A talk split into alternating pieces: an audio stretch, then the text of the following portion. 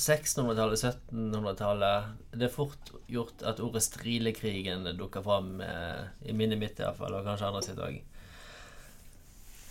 Eh, hva var det egentlig det handlet om?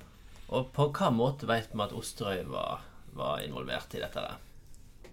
Ja, det var Altså Utgangspunktet er jo eh, nesten det vanlige. Altså Det er jo da at eh, kongemakta i dette tilfellet eh, Pålegg eh, har eh, skatter. Det skjedde akkurat det samme Altså Er det ikke kirka lenger, så Nei, ikke sant, Nå er vi forbi eh, reformasjonen. Mm. Men det skjedde egentlig det samme rundt eh, 1520. Det er jo grunnen til at vi har de første relativt eh, komplette skattelister og får eh, oversyn over bosetningene. Det var fordi at bøndene eh, ble da pålagd en ekstraskatt, altså eh, 15, flere skatter var skrevet ut like før 1520. Og det førte til at de, på tinget som var holdet på Hamre, slo i hæl futen som krov opp dette. her. Og det er bøtelegging etter det Altså, futadrapet. drepte de han på sjøla tinget? Ja. Eh, Det er bøteleggingen og bøteleggingslistene etter det futadrapet som gjør at en får eh, oversyn over bosetningene rundt 1520. Eh, Når vi kommer til 1760-året, så har vi hatt krig. Sjuårskrigen ble ferdig i det er vel 1763. Og kongen trenger penger. Og skriv da ut eh, skatter. Skrev bl.a. ut da en eh, koppskatt, altså en skatt som eh, alle over tolv år skulle betale. Og den har jo historikere meint førte til ei dobling av eh, skattetrykket. Og da er det så, så, så får folk eh, i harnisk og får folk til å reagere. Og de, eh, de dreg til byen i, i hopetall, og de til slutt eh, forulempa stiftamtmann, som var jo en kongens en høyeste embetsmann, og, og ellers eh, gjør tilnærma det vi kan kalle for opprør. Men vant de fram med kravene sine? De vant jo bare delvis fram. De fikk riktignok eh, i utgangspunktet tilbakebetalt eh, noe av skatten, men eh, slik at han ble jo mildna. Han ble jo det. Men eh, det er et hardt skattetrykk som fører til opprør. Ja. Og da da eh, bønder ifra ja, Strilalandet eh, drar inn til byen og setter en støkk i eh, i eh, embetsmenn, altså eh, styret i byen. Og dermed har du fått dette navnet Strilakrigen. Mm. Nei, jeg ser for meg liksom, altså, Osterøy, Nordhordland på 1700-tallet, så ser jeg for meg at det er ganske fattig sled. Folk har lite å rutte med, og de, det er en, tilværelsen er en kamp. Stemmer det? Det stemmer jo iallfall for flertallet, men vi kan jo på denne tida så kan vi jo følge skiftet, og vi ser jo da at det er jo eh, der er jo personer og på Osterøyene som eh, er det vi må kunne trygt kalle rike. Hvem var det? Ja, det var f.eks. den godeste Ola inne på Hanstveit. Han eh, hadde jo et skifte Han døde vel var det i 1712. Et skifte som eh, inneholdt eh, noe aldeles utrolig med både penger og ellers eh, gods og gull, så å si. Hvordan ble en rik på den tida? Ja, det er en ganske spennende historie, for da at eh, at eh, han Ola Hanstveit, han eh, er en av de mange bygningsmennene som uh, kom ifra Osterøyene. Og han er ganske sikker, uten at en har eh, konkrete papir på det, men han er ganske sikkert av de som tjener seg eh, rik etter den store bybrannen i 1702. Og det har jo vært gissa på at det er en sånn eh, figur som henger ute på en av bryggegardene. Og det er da en eh, bondemann med ei øks som skal da være en, eh, en modell av disse bygningsmennene. Og det har jo til og med vært gjessa på at det var nettopp han Ole Hanstveit som har vært modell for denne bygningsbonden. Men det var sånne ting som kunne skape rikdom òg på Osterøyene.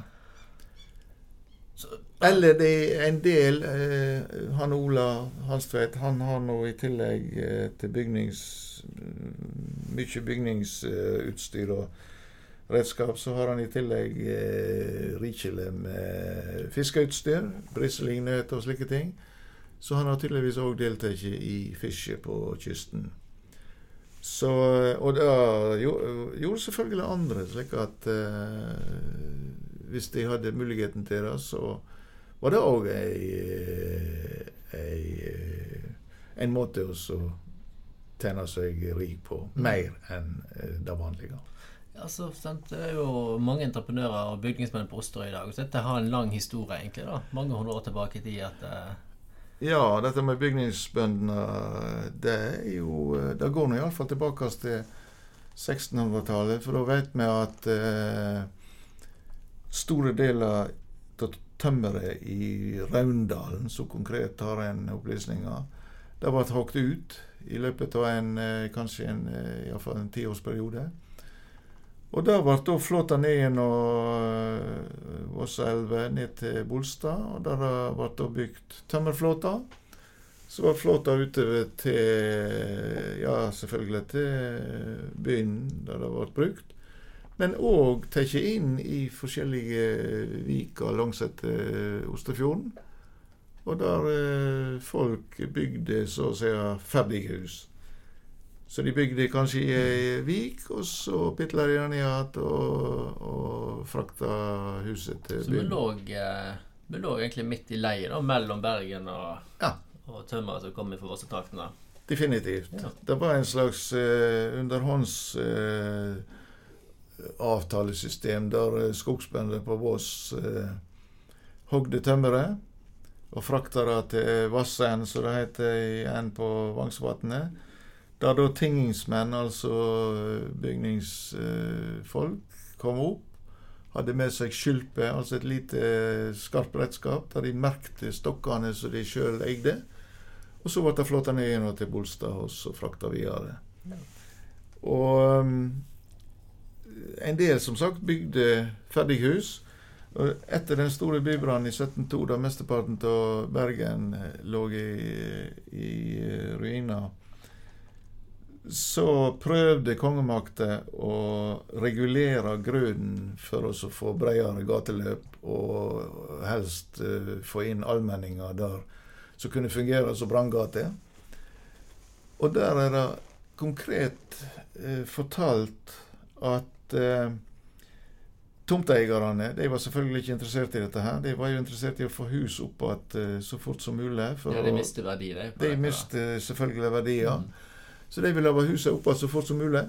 Og da forteller eh, disse her eh, som ble eh, sendt til Bergen fra kongemakta, eh, så forteller de at da det om, om kvelden var ei branntomt, så var det plutselig om morgenen kommet opp et nytt hus. Og der var disse her fordervelige ostringene som kom inn med ferdighusene sine og kunne sette opp et hus i løpet av en natt. Ja. det er artig. Du um, Altså, på den tida her altså, Osterøy ligger jo på en måte litt midt i smørauget òg når vi tenker samferdsel her. Sant? For det er jo fjorden som er veien. Det er, det er sjøen en bruker for å komme seg fram og frakte varer på. Men var, var Osterøyen var en, eh, en handelsmann, på en måte? Reiste rundt og hadde mye med Bortsett fra å bygge hus i Bergen? Altså Handelsmann var jo ikke ostringene på den måten som du kanskje sikter til nå, men, men det de var avhengig av, det var å ta eh, mer eller jevnlige turer til byen for å selge det de hadde som overskuddsvare. Bergen er jo tross alt på denne tid eh, største byen i eh, landet. og er dermed et eh, stort marked med behov for eh, ikke minst selvfølgelig eh, mat ifra omlandet sitt.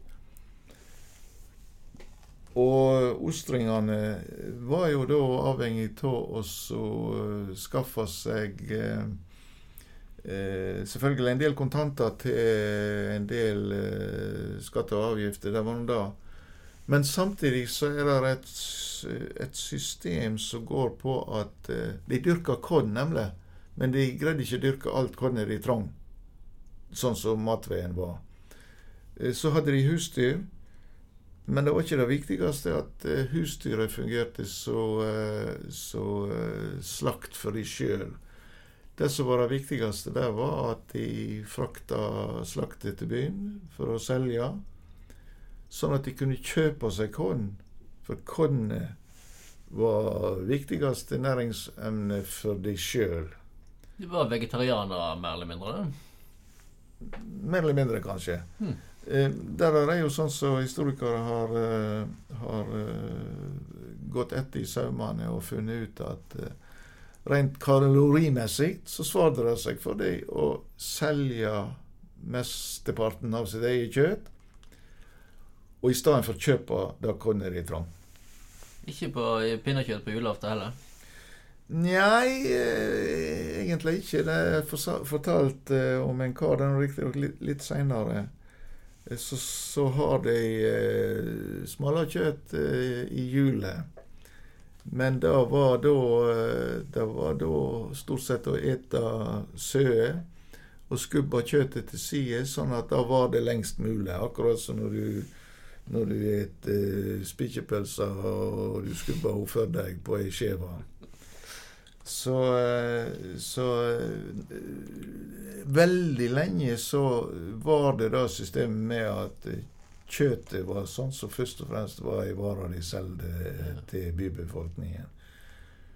Så for ostringene så var det da om å gjøre å kunne kjøpe korn i tillegg, for de greide de greide ikke å dyrke alt det kornet de trengte til sin levemåte. Det høres ut som de levde på altså, veldig marginale grenser her.